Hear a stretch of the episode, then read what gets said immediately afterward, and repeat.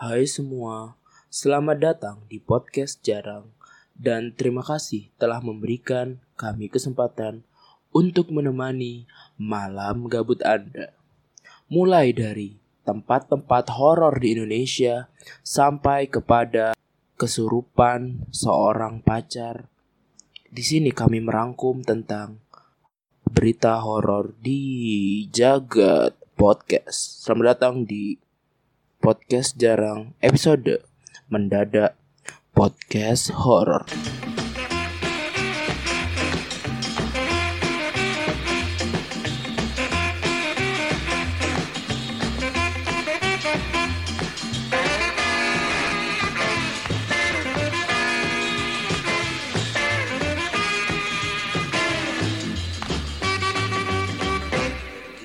Yo, kita balik lagi di podcast Anjing. jarang. Kaget cok aku cok. kita di episode 10. Mantap. Kita Sudah kembali sampai lagi ya. episode 10 cok. Sudah sampai cok akhirnya cok episode iya, balik lagi sama duo mediocre kesayangan Anda semua, kesayangan pendengar semuanya lah. Apa nih nama pendengar kita sih? 10. Pendengar kita jarang mania mantap. Wah, Main jarang. Hei, ini nih horor cok harus Oh iya, oh gimmick, iya. gimmick, gimmick, gimmick. episode Ini harus kita kali ini kita akan Harus ada ini, membahas- harus ada suara suara suara suara gagak. itu jadinya entah apa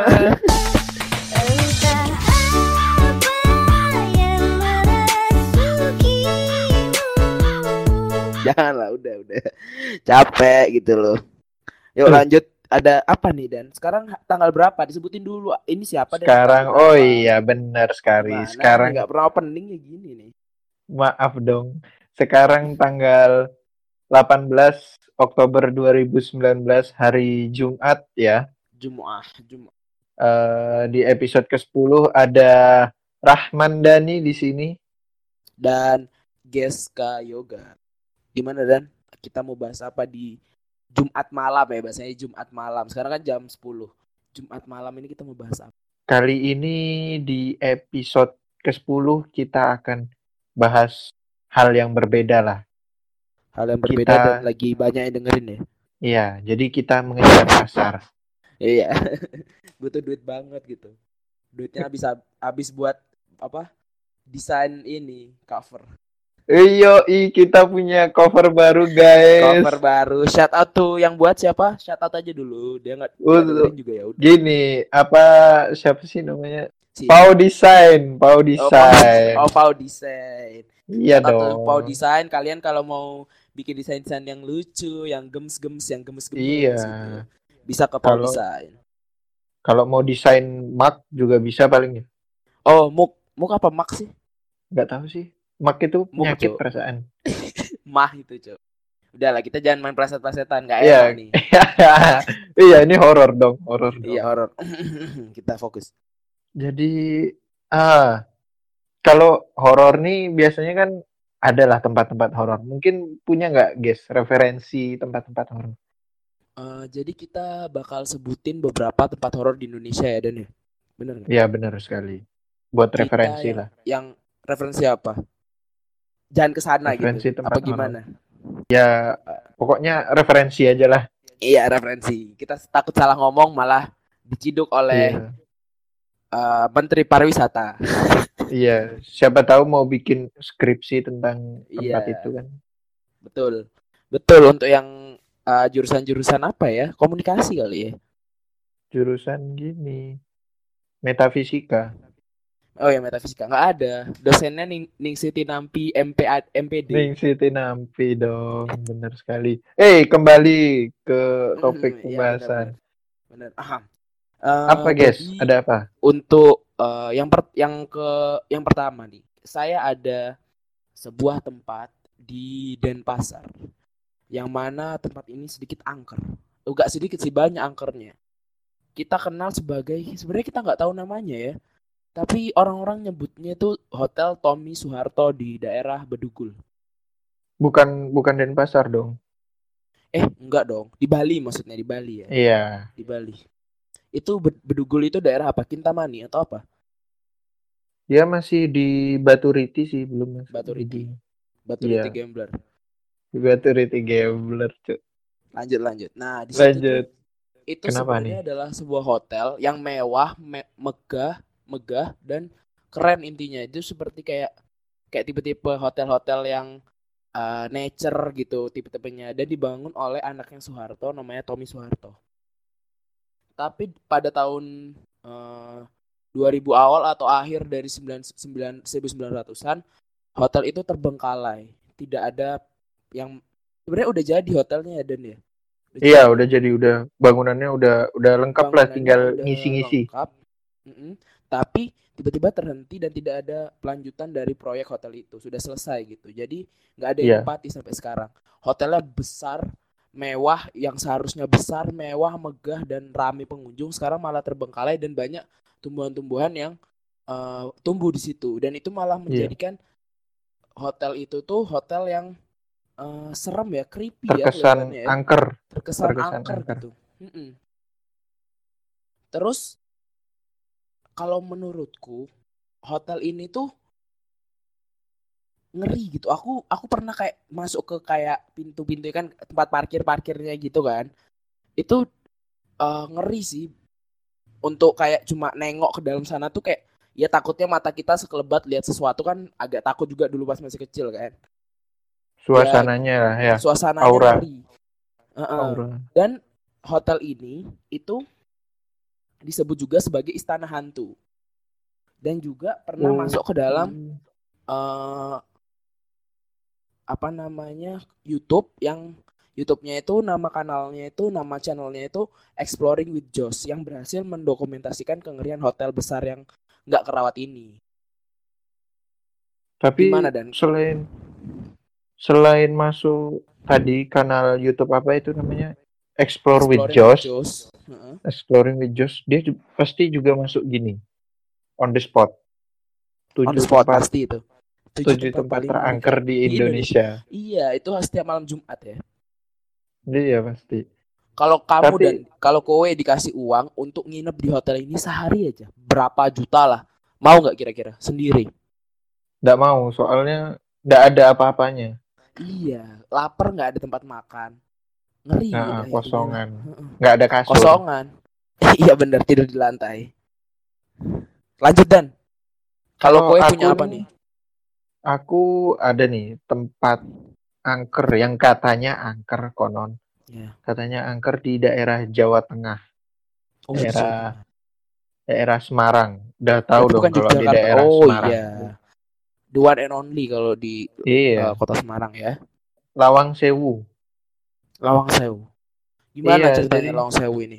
Jadi tempat wisata yang bersejarah ini yang kenapa namanya Lawang Sewu bukan karena daun pintunya ada seribu, karena tapi jendelanya itu juga menyerupai pintu, makanya jadi disebut lawang.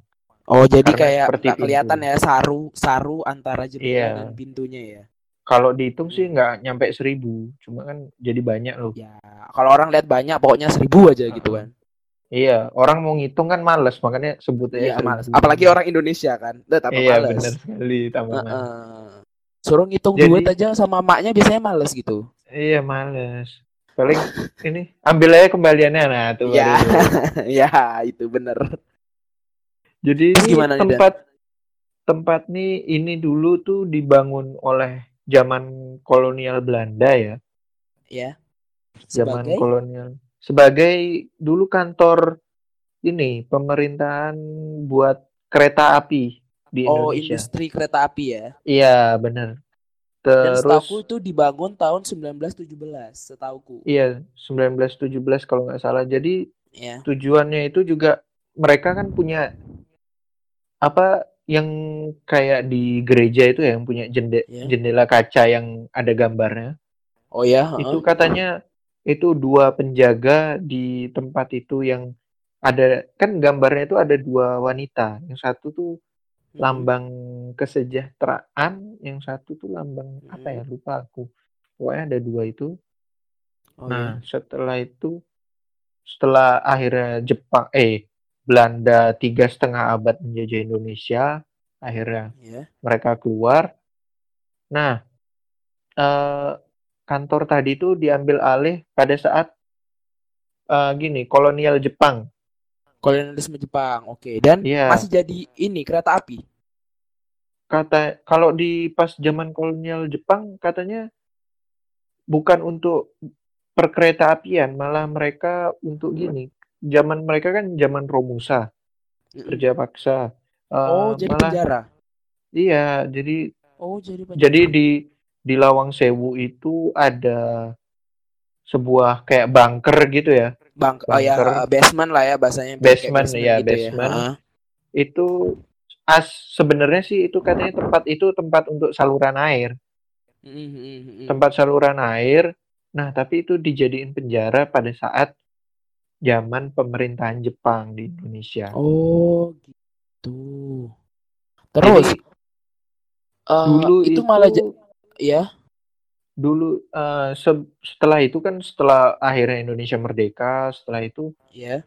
itu menjadi wisata yang cukup populer di Indonesia, termasuk di Ah, Semarang cukup populer Iya. karena kesan mistisnya itu, kesan angkernya. Itu biasanya kalau kan- kesan angkernya kayaknya malam-malam deh ya. Kalau kita pertama kali yang itu siang-siang tuh malah jadi kayak kereta gitu rame banget kan. Iya, memang benar. Soalnya pas dulu itu belum diambil alih oro- oleh PT KAI. Oh iya. Sekarang Jadi sudah masih- diambil alih ya. Ha-ha, jadi kayak nggak diurusin pemerintah. Jadi dulu buka 24 jam masih boleh. Kalau Yang se- setauku nih Dan, eh, Hmm. semenjak juru kuncinya ya, kon apa kuncen biasanya ya, kuncen ya. Juru kunci Kuncen. dari Lawang Sewu ini meninggal. Basement dan lantai dua yang vote kan ada yang kayak yang yang lambang kesejahteraan tadi katamu itu iya Iya. iya iya yang naik ke atas Nah, itu semenjak itu utama. ditutup, disegel kan kita kan disegel kan. Iya katanya nih ya semenjak semenjak apa koncennya itu meninggal gitu itu di disegel gitu orang tuh nggak Tapi- bo- belum boleh turun atau belum boleh naik ke atas sana se- sekarang belum ada penggantinya itu yang mungkin di situ Oh, tempat ngerinya kat mungkin ya karena nggak boleh masuk ya iya, tapi kalau kalau dulu kan boleh ya, dulu pas boleh boleh dulu boleh pas Belum PT. KAI Heeh, Hmm. itu ke bawah katanya memang itu tempat saluran air ternyata. iya memang tempat saluran air dan itu di situ dia taruh tahanannya Sering dan di situ banjir. ada ada penjara berdiri itu yang mengerikan jadi orang-orang itu berdiri di penjara itu dan nggak bisa duduk sampai meninggal berdiri pun ada Oh, serem juga ya. Tapi Hmm. kalau dari klarifikasi orang pemerintahan atau PT KAI itu bilang nggak boleh ke bawah itu karena banjir udara itu tipis. Hmm. Udara Oh, tipis iya, karena iya. itu kan tempat Ya, saluran karena air. ah, ah, ah, benar benar benar Kalau gitu kan sebenarnya basement bahaya kan juga, juga ya udaranya kan beracun karena Hmm. oksigen kan sedikit. karena oksigen iya iya ah, ah, ah. Iya. dan iya benar Mak- sih benar Makanya masuk akal sih masuk akal. dilarang sih katanya sih iya gitu. benar benar Semenjak diambil KAI itu sekarang bukanya mulai jam 9 pagi sampai 9 malam. oh jadi jam 9 malam udah tutup ya Iya, udah nggak boleh 24 jam. Ah, lumayan ngeri sih Lawang Sewu tuh apa ya kayak kalau misalnya kita ada di sana di saat kayak sepi walaupun siang hari gitu sepi misalnya kita ada di lorongnya itu sendiri tuh rasanya kayak ya udah nggak enak aja maksudnya kelihatannya udah nggak enak aja gitu loh Iya. kayak feelnya ya walaupun aku nggak tahu mungkin karena bentuk ruangannya yang besar ya, yang tinggi kan kan dia kan eh, dindingnya tinggi kan atau Iya, apa langit-langitnya tinggi dan eh, ya kayak kerasanya tuh kita sendiri di ruangan yang besar gitu Iya, kan ruangannya gede-gede juga kan peninggalan Ah, Belanda kan gede. tinggi-tinggi gede Iya. gitu. Iya iya. heeh. Dan apa ya? Kelawar sih kan. Kelawar lumayan ngeri Iya, juga kelawar. Di, di apa? Di atap-atapnya itu loh ya. Ngeri juga. Iya, kayak tem- kayak tempat lonceng gitu ya. Hmm, yang kemarin kita tuh kan ya ada kayak tempat Iya, lonceng gitu di iya. atas. Nah, Yang katamu tempat badminton. Eh, tapi beneran ada garis-garis buat iya, ada garis-garis badmintonnya tuh lumayan juga tuh. Terus lanjut nih, lanjut ya. Iya, lanjut. ada Sebenarnya udah lagi, menit 14.30 sih. Kita lanjut las ya atau gimana? Iya. Lanjutlah. Mungkin Yang terakhir ada bentar aja dikit aja kayaknya lah. iya. Yang terakhir ada Laut Selatan. Laut Selatan sudah terkenal di Yogyakarta. Ada pantai Parangtritis ya. Parangtritis. Parangtritis. Eh, pantai Parangtritis ini terletak di provinsi Yogyakarta. Banyak sekali mistis-mistis yang eh, cerita-cerita mistis yang melengkapi tentang eh, yang ba- yang banyak beredar di pantai Parangtritis ini. Yang paling tingginya itu adanya eh, kerajaannya Nyi Roro Kidul atau pa- apa Ratu Pantai Selatan ya Ratu Pantai penguasa Selatan. pantai selatan. heeh. Eh, di sana banyak sekali larang-larangannya kayak nggak boleh pakai baju hijau. Terus banyak ada juga dulu filmnya kan film yang tentang aku lupa tentang apa filmnya. Pokoknya di Jogja gitu. Awalnya dia di Hmm. pantai selatan terus pokoknya bisa nemu jalan sampai atau mungkin dia dari Merapi nemu jalan tiba-tiba nembus ke pantai selatan. Pokoknya cerita tentang seperti itu kayak cerita dari adaptasi dari kisah nyata atau apa aku lupa. Keren Lumayan ngeri sih Lumayan. dia sih. kat- katanya dari keraton itu ada jalan khusus ya yang yang Hmm. masjid yang yang tak bilang masjid yang agak turun yang tangga itu yang tak bilang Masjid? Gi? Masjid, masjid gede bilang yang katamu enggak yang katamu kue cerita kue ke masjid apa gitu yang pemandian loh pemandiannya para raja. Eh para selir. Ada di Yogyakarta aku lupa namanya. Itu di sana ada masjid kan. Nah di masjid tuh kayak banyak pintu-pintunya gitu. Beberapa pintu itu ditutup. Karena katanya pintu itu adalah jalan kayak akses. Akses gak tahu lewat dunia jin atau apa. Kita bisa tiba-tiba tembus di pantai selatan. Gak tahu pantai mana pantai Teleport gitu ya. Iya kayak teleport gitu Oh, di gini, Taman Sari itu.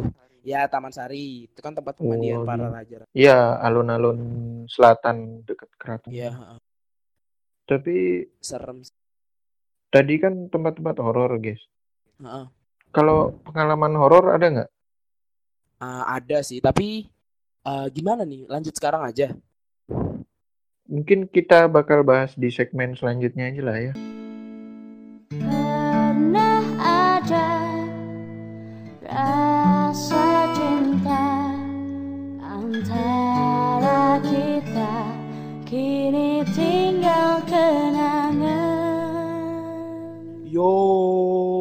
WhatsApp kita datang lagi ke segmen 2 bersama masih bersama Geska dan ada Dani di sini.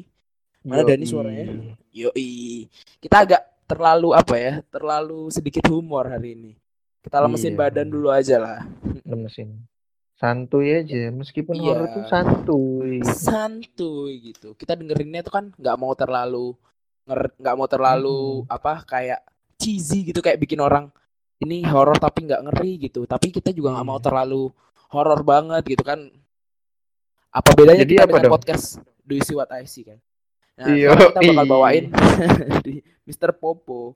Kita bawain eh, empat eh, cerita ya, empat cerita atau empat apa lima cerita Pengalaman. dari ya pengalaman dari teman-teman kita. Kita udah dapet tiga orang teman kita yang bisa cerita tentang pengalamannya dia. Gimana dia bercerita tentang bagaimana ngerinya di saat rekamannya dia. Yang pertama nih dia mendengarkan teleponan dengan pacarnya dan pacarnya itu kesurupan pas dia lagi teleponan. Gimana menurutmu? Penasaran? Tapi mending kita coba dengerin aja dulu lah ya. Yo yo yo. Oke, dia. masuk ke ceritanya anak pertama ini. Jadi cerita awalnya itu saya itu lagi teleponan sama cewek gua. Nah, setelah itu eh, karena cewek gua ini punya riwayat penyakit asma, asmanya kambuh saat teleponan itu. Gua panik. Setelah itu gua nge, gua panik karena gua nggak bisa apa- ngapa-ngapain karena eh, statusnya kita LDR, tuh kita jauh. Gua di Jawa, dia di pulau. Setelah itu oh dia masih sesak gitu. Gue bilang ke dia dibuat dinaikin aja bantalnya biar agak enakan tuh. Nah setelah itu setelah gue ngomong gitu nggak lama dia terdiam. Diam cukup lama gue panggilin karena gue khawatir dia kenapa kenapa setelah itu dia bilang apa? Dia ngerespon apa gue tanya dong habis ngapain? Nah setelah itu dia tanya gue kamu siapa? Tuh gue bilang aku cowokmu. Tuh, oh kamu cowokku? Dia bilang gitu kan. Iya tuh. Gue ada ada firasat gak enak so- soalnya dari nada ngomong itu beda banget tuh. Oh gue tanya ini siapa? Aku.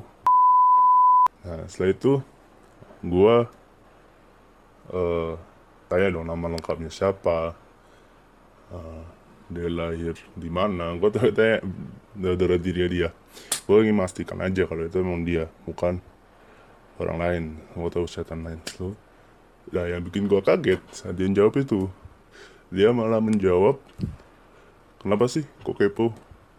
Gue udah firasa dong gak enak setelah nah saat dia setelah ngomong kayak gitu gue udah pasti yakin oh enggak enggak sih sebelumnya gue coba yakin lagi. Data dirinya siapa? Dari dirinya lalu dia sekarang tinggal di mana? Dia asalnya dari mana tuh? Dia tetap menjawab kepo sih. Tapi jawab kepo. Gua bilang kamu asalmu dari mana? Gua tanya gitu ke dia. Aku dari jalan. Wih gue merinding dong buat maksudnya itu panik sebenarnya dia takut slow karena saat setelah itu gue bilang kamu kok tahu cewek ini? Dari mana? Tahu dari mana kamu tuh setelah itu dia jawab tadi gua tadi aku ketemu di jalan. Gua li- aku lihat dia cantik ini aku ikutin. Gua semakin takut dong ya so gua tanya lagi. Terus tujuan mengikutin buat apa Nah, setelah itu dia jawab, aku suka sama ini, sama cewekmu ini. Terus oh kamu suka? Aku tanya begitu, aku tanya gitu kan. Iya aku suka. Tapi kamu nyakitin dia. Aku bingung dong, gue bingung dong itu. Aku nyakitin apa? Rasanya aku nggak pernah nyak, aku nggak nyakitin dia. Aku nggak berantem sama dia. Tuh, satu dia dia kayak membuat uh, alasan yang itu sebenarnya tidak sesuai fakta. Ya supaya gua takut itu dia ngancem. Kamu nyakitin dia dia selalu sedih. Makanya gue gue ikutin dia karena aku karena aku tahu dia sedih. Makanya aku ikutin aku ya intinya kamu tidak mengerti ke dia sedih.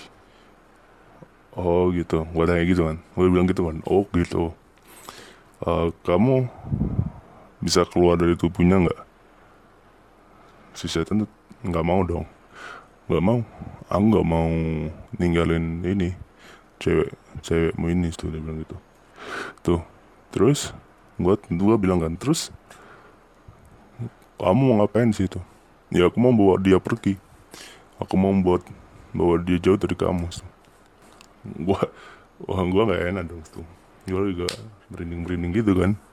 Terus gue bilang mau bawa ke mana dia? Terus si setan J bilang mau bawa aku per mau tak bawa lah. Lah, serah aku mau ke mana?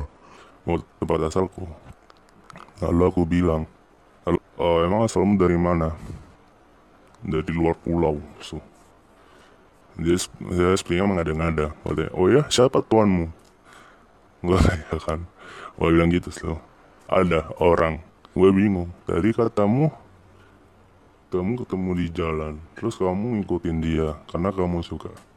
Terus dia membuat alasan yang ya mengada-ngada gitu kan. Setelah itu dia balik lagi ke pernyataan awalnya. Iya memang udah ketemu dia.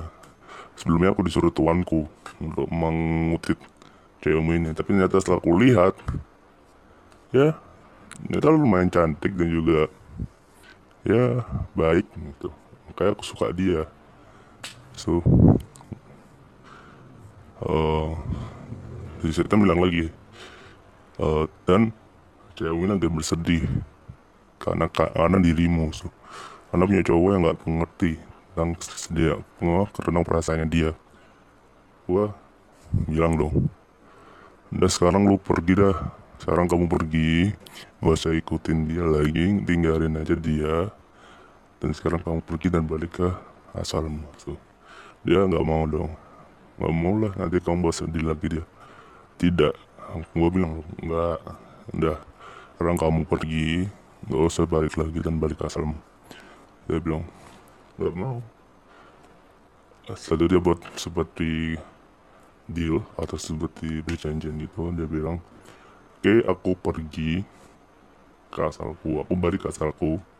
Tapi aku buat cewekmu ini buruk rupa.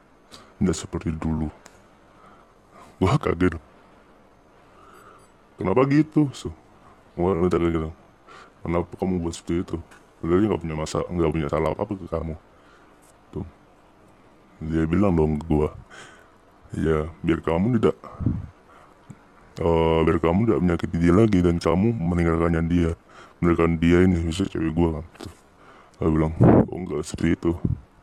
Terus sekarang kamu pergi nggak usah ikutin lagi tuh maksudnya kamu pergi ke asalnya. Sempat terdiam. Jadi dia nggak menjawab nggak respon apa apa dia diam lagi terus sebenarnya dia pergi kan. Setelah itu cewek gua sadar dan gua manggil manggil gua. Tuh iya kamu dari mana? So gua tanya gitu "Oh, dari mana mana tadi kan lagi ngomong sama kamu kan? Oh tadi kayak terus itu gua tanya gua pasti tadi mana tadi kamu ngomong kita ngomong apa? Gak tahu. So, gua pastiin lagi dari di sini ternyata dia memang cewek gua itu dia sadar. Ya alhamdulillah dia sadar. Itu ya sudah itu dia eh, minta jangan dimatiin teleponnya dan minta untuk temenin istirahat dan selesai seperti itu guys Yuk gimana dan menurutmu tentang cerita ini kalau menurutmu gimana? Anjir, serem sih. Gak ngebayangin gitu loh. Iya, aku juga nggak ngebayangin kalau misalnya anggaplah cewekku kayak gitu ya. Namanya apa sih? Di di ini ya, diikutin atau apa bahasanya? Diikutin, diikutin. Iya, diikutin ya. Gimana kalau menurutmu tuh? Teleponan sama cewekmu yang lagi LDR, kesurupan tapi kak tapi kau nggak bisa nggak bisa ngelakuin apa-apa. Iya, nggak bisa bantu. Kita nggak bisa bantu Iya, juga. yang yang sakit tuh kita nggak bisa bantu dan juga ya kita mau nelpon siapa kan nggak tahu. Kalau kita mau nelpon orang lain pun Iya. kita harus matiin matiin telepon ke cewek itu dan itu mengkhawatirkan sih kalau maksudku. Iya. Kita kita kan bukan Ningsih Tinampi soalnya. Ya betul kita kita tidak bisa men- menyabut sukma cewek itu gitu sukma jin Iya, itu kan kita nggak bisa. Gimana Tapi itu, itu, anjir, serem banget sih. ngeri sih kalau menurutku ngeri sih. Ngeri, ngeri, ngeri, ngeri. Ini kita malam-malam bahas horor gitu ya. Ngeri Hmm. juga sih. Kita Merinding kita juga, recordnya gitu. malam ini. Kita recordnya malam. Iya, Tadi jam 11 loh ini, jam 11 loh. awalnya mau mau habis isya cuma ya ada kendala. cuma jadi Ada kendala lah, maaf maaf. Harus ambil barang dulu aku. Kita lanjut nih ke cerita kedua ya. Oke. Kita Yang kedua dari temanku. Yang pertama aku sensor namanya. Dia nggak mau ngasih tahu namanya siapa. Karena bahaya kan menyangkut ke ceweknya itu kan. Terus yang kedua Iya, ada benar, temanku benar namanya anggaplah dia nggak bilang sih boleh apa enggak, tapi kayaknya boleh sih. Namanya Jamur. Anak-anak kalau temanku dengar pasti tahu siapa lah. Kita dengerin aja ke dia sekarang. Halo semua, kenalin nama aku Godard. Aku sekarang udah kuliah. Oke, di sini aku mau cerita tentang pengalaman hororku. Pengalaman mistis. Ya, pengalaman waktu aku ketindihan atau yang orang-orang saintis biasa bilang sleep paralysis. Ya, itu aku alami waktu sekitar kelas 11 SMA beberapa tahun yang lalu. Sekarang aku udah lulus. Sebelumnya aku mau cerita tentang sekolahku. Ya sekilas aja ya. Sekolahku ini sebuah Islamic boarding school atau bahasa yang lebih kerennya pondok pesantren. Ya tahu sendirilah gimana di lingkungan pondok pesantren atau Islamic boarding school itu. Ya tentu saja Islamic boarding school atau pesantren pasti di lingkungannya orang ngaji banyak yang ngaji sholat dan ibadahnya yang taat. Lalu orang beranggapan di lingkungan ponpes nggak ada yang namanya setan-setan gitu. Padahal uh banyak banget. Oke, jadi langsung aja aku ceritain. Jadi waktu itu kelas 11 SMA waktu itu teman-temanku yang osis kan dia yang megang kunci perpustakaan di sekolahku perpustakaan yang megang kunci itu osis. Waktu itu hari minggu di mana hari sebelumnya anak osisnya ini pada lagi studi banding ke ponpes gontor Wah, yang besar itu. Karena teman-teman yang osis lagi pada studi banding lagi vacation ke gontor terus aku pinjem kuncinya. Nah di situ aku ke sana setiap malamnya malam minggu terus pada hari minggunya juga. Jadi waktu hari minggu itu di tempat kan nganggur. Waktu itu lagi nggak ada jadwal apa apa sekitar jam 9an aku kerasa kayak pingin main basket. Oke. Oke aku berangkat main basket. Sendiri karena memang teman-teman yang biasa main basket kebanyakan berangkatan berangkat ke gontor. Sekitar satu jam aku main basket di lapangan sekolah. Jadi jam 10an kira-kira ya aku capek. Nah posisi lapangan sekolah ini kan deket sama perpus. Dan juga aku bawa kunci perpus lagi pas bawa. Oke akhirnya aku ke perpus. Karena juga kan lagi capek juga. Sana aku baca baca baca dan waktu itu kan emang yang namanya perpus itu sepi kan di tempatku. Mungkin di sekolah lain juga gitu. Aku baca baca terus tidur tiduran perpus aku kunci. Biar sepi aja enak. Terus aku ketiduran entah eh, sekitar satu jaman aku ketiduran. Jam 11 aku bangun. Puh. di situ aku ngerasain yang namanya ketindian. Seumur umur belum pernah. Cuman pernah denger cerita temen pernah ngeliat temen juga ketindian. Aku dulu ah ngapain sih ketindian? Apaan nih? Gitu. Jadi aku waktu itu nyadar wih ternyata gini rasanya. Jadi rasanya tuh ceritain ya secara lengkapnya. Jadi waktu itu aku bangun mataku bisa buka bisa lihat samping kanan kiri sekitar. Aku bisa lihat pintu bisa lihat buku-buku rak buku bisa lihat semua. Tapi yang namanya mau bangun rasanya kayak berat banget. Nafas juga kerasa kayak sesek banget. Terus wah parah. Di kondisi itu kita masih bisa mikir. Karena kita emang kondisi bangun cuman kita nggak bisa gerak nggak bisa ngapa-ngapain. Wah, aku mikir aku bisa mikirin temanku waktu bilang wah ini ketindian ini kata temanku bilang kalau ketindian bilang istighfar. Apa ngucapin istighfar lah. Apalah gitu gitu waktu ketindian itu aku ngerasa kayak jalan. Jadi ketindian tuh kayaknya posisi setengah sadar setengah tidur. Aku kerasa kayak mimpi.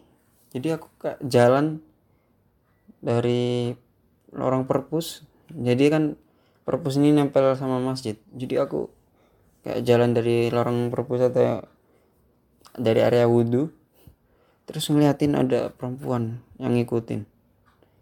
Panjang rambut putih. Wah eh baju putih rambut panjang. Aduh seumur umur tapi aku nggak ngeliat wajahnya.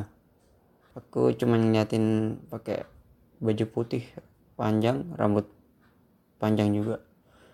Aku kaget. Wah apaan tuh? Apaan kan terus tiba-tiba aku bingung udah kerasa kayak keringet dingin. Aku mikir ya itu mikir temanku yang bilang katanya kalau ketindian istighfar. Aku coba istighfar astagfirullah astagfirullah. Wah. Terus mataku tak tutup lagi karena aku kan takut keliat itu kan. Padahal po- posisiku di perpustakaan kunci kuncian juga posisi perpustakaan. Ya aku langsung pejamin mata ngucapin istighfar zikir. Habis itu akhirnya gak tahu berapa detik aku bisa bangun akhirnya. Setelah aku baca-baca zikir itu. Terus aku pejamin mata aku bisa bangun langsung nafasku ngos-ngosan. Karena yang tadinya kan ketahan kayak sesek banget kan. Langsung aku posisi udah jam 11 di tempatku jam 11 itu kan udah mau duhur udah denger bunyi-bunyi ngaji gitu akhirnya udah aku takut aku pulang aja balik ke asrama.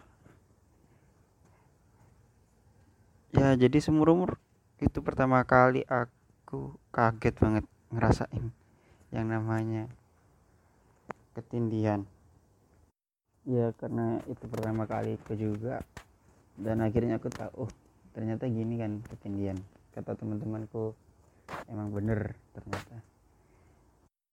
Ya jadi itu aja sih pengalamanku waktu ngalamin ketindihan atau sleep, sleep paralysis di pondok lagi. Posisi juga udah mau duhur. Nggak tahu juga kok bisa aku kena ketindihan gitu.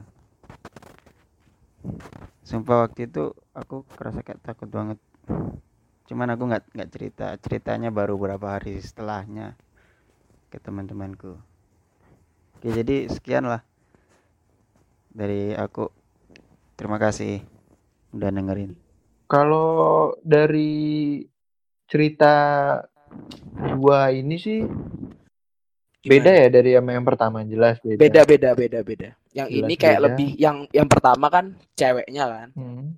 Yang ini kayak di pondok gitu, kayak di pondok, kayak pengalaman di pondok Iya, gitu. Karena tapi kalau- hantu hantu pondok tuh kalau- jarang ke expose kan. Iya bener. Tapi kalau kayak menurutku itu kayak halusinasi aja sih mungkin. Kayak lebih ke halusinasi ya, yang pertama dan kedua ya. Iya. Karena masih bisa kan- ya walaupun walaupun itu benar eh, orang masih bisa ah mungkin halusinasi gitu kan ya. Iya, yang Soalnya cuma Apa? dia yang tahu sih. Kondisinya juga mungkin kan kan dari Capek. kalau dilihat sih kedua ya capek. Yang pertama capek. Mm-mm. Terus? memang perpus itu emang tempatnya jarang dibersihin dan jadi kalau misalnya katanya kan setan kan di tempat kotor. Nah, itu kayak tempat yang pas gitu kalau aku sih ya. Hmm. Kotor gitu memang. Cuma kalau kalau mungkin halusinasi ya oke lah masih bisa diperdebatin karena dia kan mengalami sendiri kan walaupun dia melihat asli dia mengalami sendiri kalau misalnya ngalamin yang bareng-bareng gitu baru ya mungkin Ya, sih. itu baru beda cerita. Kalau Nah, ini berbicara tentang pengalaman kita ya. Kalau aku ada sih pengalaman hantu. Gimana? Denger nggak? gimana gimana? Kalau aku dua kali, dua kali. Yang pertama ada di rumah petanu itu, karena aku yakin rumah petanu tuh lantai dua tuh ada kalau kataku, karena lantai dua pertama jarang dibersihin.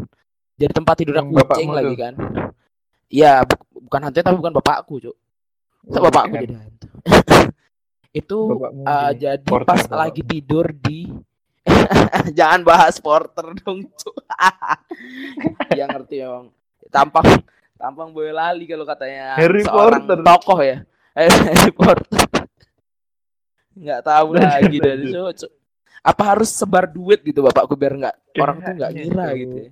Iya, kayaknya Kayak eh nggak kelihatan gitu soalnya. nggak kelihatan kalau ini. Mungkin yang deket aja sama gue yang tahu gimana. Iya, itu udah dibilangin jangan. Saya bukan porter tuh masih dibilang, udah pak nggak apa-apa, saya kasih uang gitu. Anjing, aku bilang, what the fuck? Ngekeh nih orang, cok. Udah dibilangin bukan porter, ditawarin mas. Tampang Boyolali emang. Kalau kata seorang ini ya, seorang Iya, sekarang tokoh politik ya itu ya. Kayak gini, Tahu kayak bener apa yang- enggak? Tapi kayaknya tuh ber, ber apa ya? Bener-bener kena kalau buat bapakku bener kenanya gitu. Iya, kayak gini yang dagang soto soto seger Boyolali itu. Soto diem. rumput. Eh lanjut lanjut lanjut. Oh lanjut iya. Jadi ceritanya tuh eh eh, lagi tiduran di kamar. Eh, kan kasurku tingkat, adikku tidur di bawah, aku tidur di atas. Aku selimutan di jam antara jam 2 atau jam 1 sampai jam 3 lah, jam 1 sampai jam 3. Aku kebangun. Kan itu kalau orang kebangun kan biasanya katanya sih, kebangun malam katanya ada yang ngeliatin gitu katanya gitu. Hmm. Tapi aku nggak terlalu percaya sih sama itu. Cum, nah pas aku bangun, jadi di depan ini kan kasurku, di depan kasurku kayak ada eh, semacam space untuk naruh lemari dan sebelahnya space itu kosong gitu. Jadi kayak lorong kecil untuk kita ngambil baju gitu. Iya. Lemari apa sih lemari tingkat ya yang ada itu ada rak-raknya gitu kan. Hmm. Nah, di situ di depan situ pas aku bangun sekelebat mata itu kan agak gelap gitu kan. Ada cahaya remang. Itu ada Iya. semacam orang laki-laki laki-laki tinggi berbaju seperti Dracula, ngerti se- seperti Dracula. Ah, terus dia kayak ngelihat aku berdiri gitu ngelihat aku. Pas aku bangun dia nyengir Cuk. dia nggak nyengir sih. Kayak bukan nyengir kayak buka mulut. Kayak A gitu kayak A. Dan dari mulutnya itu keluar gigi-giginya itu dia keluarnya bukan gigi kayak kita gini. Kalau kita kan gigi- kita buka mulut giginya udah ada kan. Standby giginya tuh udah Iya. standby gitu. Nah dia giginya kayak dia kayak giginya tuh pas dia nutup kayaknya kelipet gitu pas ke pas dia ha giginya tuh kayak turun gitu loh kayak turun taring semua turun dari bagian atas dan bawah mulutnya kayak kayak apa ya kayak semacam nutupnya tuh kayak apa ya kayak eh, rolling door, rolling door. nggak kayak rolling door jadi dia kalau rolling door kan langsung turun der gitu kan dia kayak Hmm. muter gitu loh cok setengah setengah lingkaran ya 180 derajat jadi kayak kayak kayak agak muter kayak apa ya kalau Ya, paham nggak sih pokok maksudku 100 180 Ya, derajat ya. dia berputar gitu ya ya dia ber, giginya tuh kayak masih Hmm. masih muter di gigi itu terus aku ngeliat tuh kayak kaget tapi aku nggak Hmm, ngerti harus bener. ngapain kan kayak uh terus aku ngerti dalam pikiranku uh Iya. hantu gitu Allah setan gitu pikiranku terus aku nggak tahu harus ngapain aku tidur lagi tuh aku aku bukan tipe orang kayak insidious kayak gitu kan kayak Insidious. insidious insidious film gitu aku lihat kayak anjing langsung tidur lah eh, gitu terus aku lihat tuh kayak anjing langsung Ah. tidur lah gitu cuk akhirnya udah Tapi langsung ah, tidur aku eh. bangun-bangun pagi aku tapi ngomong-ngomong soal tadi yang kebangun itu kan katamu Hmm, katanya kita tuh diliatin kan? Iya kan, bener. iya iya Dan katanya itu tuh bener-bener baru terjadi kemarin di aku. Mhm. kenapa Jadi itu aku malam kan ya, aku nggak begadang kan, Mhm. aku nggak begadang jadi di kosan itu aku tidur, tidur kan eh, lampuku lampu kosan kan mati kamar, Mhm. jendela kan nggak pernah tak tutup juga, terus Iya, kordenku tuh cuma setengah gitu aja, biar ada cahaya dikit masuk kan, oh biar nggak tahu, heeh. biar nggak terlalu gelap Iya. banget. Jendela tuh nggak tak tutup karena biar nggak biar nggak panas. oh ya bener sih bener angin kan Heeh. angin masuk gitu. Iya, biar ada angin masuk. Terus anakku tidur, aku nggak tahu ya itu bangun jam berapa ya. Aku nggak lihat jam sih soalnya. Mungkin mungkin jam satuan kayaknya. Kayak sempat lihat jam dulu deh aku. Jam satuan atau Hmm. jam berapa gitu. Nah, itu tuh bener. Aku ngerasain kayak aku tuh diawasin bener-bener guys. Mhm. Anjir. Langsung kan kayak aku tuh awalnya mimpi, mimpi ya mimpi gitulah. Mimpi ketemu hantu gitu, setan. Mhm.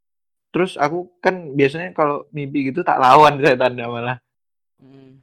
oh di Tapi mimpi kalau- di mimpinya Iya di mimpi gitu kayak tak lawan kayak berusaha lo biar nggak kebangun. Tapi akhirnya nggak kuat aku karena gini akhirnya kebangun kan. Nah bener itu kayak aku ngerasa diawasin. Sampai baru-baru akhirnya iya baru aja. Baru kemarin beneran. Baru kemarin sampai akhirnya aku itu kalau kan diajarannya kalau katanya kalau mimpi buruk kan suruh gini ya apa buang ludah tiga kali ke kiri tiga kali ke terus kiri. sambil heeh. ngucap habis itu ngucap istighfar kan. Nah, Mhm. aku habis itu kayak ngelakuin itu habis itu aku tidur lagi. Kamu ngeludah di kasur cuk ngeludahnya tuh nggak nggak nggak ngeludah cuh gitu loh. Cuma oh cuma kayak tuh nyembur cucuk gitu nyembur. aja, Cuk. cuma cuma nyembur nyembur aja loh. Nggak nggak nggak beneran ngeluarin ludah yang gini aja. Kayak gimana sih anak bayi nyembur nyembur ludah tuh loh? Ngerti nggak? Kalau anak bayi nyembur nyembur ludah. Yang kayak gitu tuh. Pokoknya setelah itu aku pagi bangun kan. Dan itu ternyata langsung aku pusing dari dari pagi itu sampai malamnya sampai maghrib. Sampai maghrib kepala aku pusing. Tapi mungkin itu karena tensiku turun. Mungkin aku kayak gitu kayak karena halusinasi sih karena kecapean aja mungkin. Eh mungkin sih Dan, mungkin sih Dan, gara-gara capek. Tapi kayak nggak masuk akal gitu deh kalau capek doang kayaknya deh. Ya mungkin aja guys soalnya kan halusinasi itu kan pasti ada di di Ah, sih, pikiran bener kan sih, bener sih. karena takut Ya bisa sih, bener sih. Ya gimana ya? Berarti kayak harus doa, Cuk. Jangan capek-capek lah. padahal eh padahal aku udah ngamalin sunnah-sunnah rasul sebelum tidur Iya aku- kan malah eh udah malah orang-orang yang ngamalin sunnah rasul tuh malah setannya makin kuat gitu dong bahasanya. Nggak ada dong. Semakin Iya. kita berani, Makin semakin kita mungkin. berani, setan tuh makin tinggi. menjadi sekecil lalat. Coba kita ini semakin tinggi levelmu setannya yang ngelawan kowe juga semakin tinggi. iya gitu, Cuk. Dikira main Aku- game market. Enggak, Cuk, gitu, Cuk. Kalau katanya aku lihat di Ustadz Adi Hidayat kayaknya dia, dia bilang kayak gitu, Cuk. Padahal ya aku udah tak, tak kan sunahnya bersihin kasur sambil baca bismillah. Hmm. Udah tak bersihin. Setelah 30 kali. Nggak tahu 20 berapa, tebahan. pokoknya tak bersihin. Pokok Ya bersih. pokoknya udah bismillah lah, bismillah ya. Ya. Bismillah gitu. Terus wudhu. Wudhu. Mm. Wudhu. Terus baca tiga surat terakhir. Mm. Baca ayat kursi. Ya. udah langsung di apa dibalurin lah kayak dibalurin di tubuh yang terjatuh Taman Nasional dong, balurin. itu gini Ragunan Ragunan bukan taman nasional ding Bukan dong. Bali Barat dong. oh iya Bali Barat pokoknya udah gitu tetap aja malamnya kayak gitu Ada lagi nggak? Udah 40 menit nih. tapi Udah kayaknya ya. udah Berapa? sih kayaknya Udah kayaknya ya. Ya ngeri juga sih kalau kita dengar dari kawan-kawan kayaknya 40 menit nih 40 menit kita ya, belum ditambah sama cerita-cerita teman-teman yang lain belum ya. belum dong Mungkin sekitar 47 atau 40. Ntar aku kecilin lagi lah. Oke. Ya Terima kasih udah dengerin podcast kita berdua. Eh Geska pamit undur diri. dan Dani pamit undur diri Yuk. Ciao.